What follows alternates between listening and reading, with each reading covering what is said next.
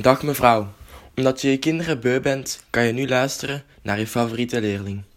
Ik heb het kort verhaal De Laatste Kogel gelezen, omdat de titel mij aansprak. Deze straalt namelijk actie en angst uit, dus ik dacht geen tweede keer na en had meteen een beslissing genomen. Op basis van de inhoud heb ik gekozen voor pakket B en C, met andere woorden, ruimte en spanning. Laten we beginnen met ruimte. Het verhaal vindt plaats tijdens de oorlog. Te zien aan het fragment op pagina 2, regel 9, en gaat als volgt. De oorlog schortte ons leven op, en net zoals alle, andere, alle kinderen hier waren we gestopt met groeien. Over de Eerste of de Tweede Wereldoorlog was, is nog een beetje onduidelijk, als ook de geografische plaats van het huis. de personages leven onder een huis in een kelderruimte, maar de omstandigheden zijn miserabel. Dit wordt aangetoond door de volgende twee fragmenten. De eerste, op pagina 2, regel 2. Verliezen deed ik nog maar zelden, en alleen als ik daar reden toe uh, had. Bijvoorbeeld omdat de honger mijn hand onvast maakte of iemand onderdrukt zat te huilen. De volgende, op pagina 2, regel 13. Om ons heen stonk het naar uitwerpselen die aan, die aan schoenzolen waren blijven hangen. Hieruit kunnen we afleiden dat de functie van de ruimte karakteristiek is.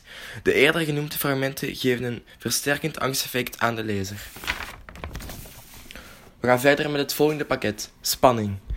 Om te beginnen komt er een terugverwijzing aan bod op de laatste pagina, regel 20, tot aan het einde van het verhaal. Daarna komt er zowel een vertraging als een versnelling voor in het verhaal. De vertraging toont de situatie aan waarin Ranko en mevrouw Mirsado terechtkomen.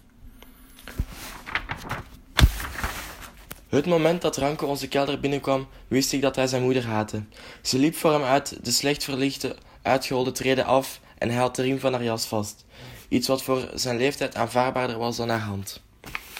De versnelling op pagina 1, de laatste regel, schetst de verveling die de personages moeten doormaken. In de loop van de voorbije weken had ik in Mikado een reputatie opgebouwd. Vervolgens hebben we te maken met inhoudelijke spanning. We weten namelijk evenveel als het ik-personage. En dit is te zien aan het fragment op pagina 3, regel 20.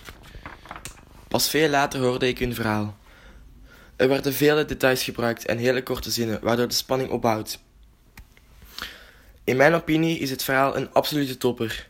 Het leest vlot, de situaties worden sierlijk beschreven en je bent direct mee met het verhaal. Um, een aanrader dus. Ik zeg u vaarwel, tot nadere orders, kolonel.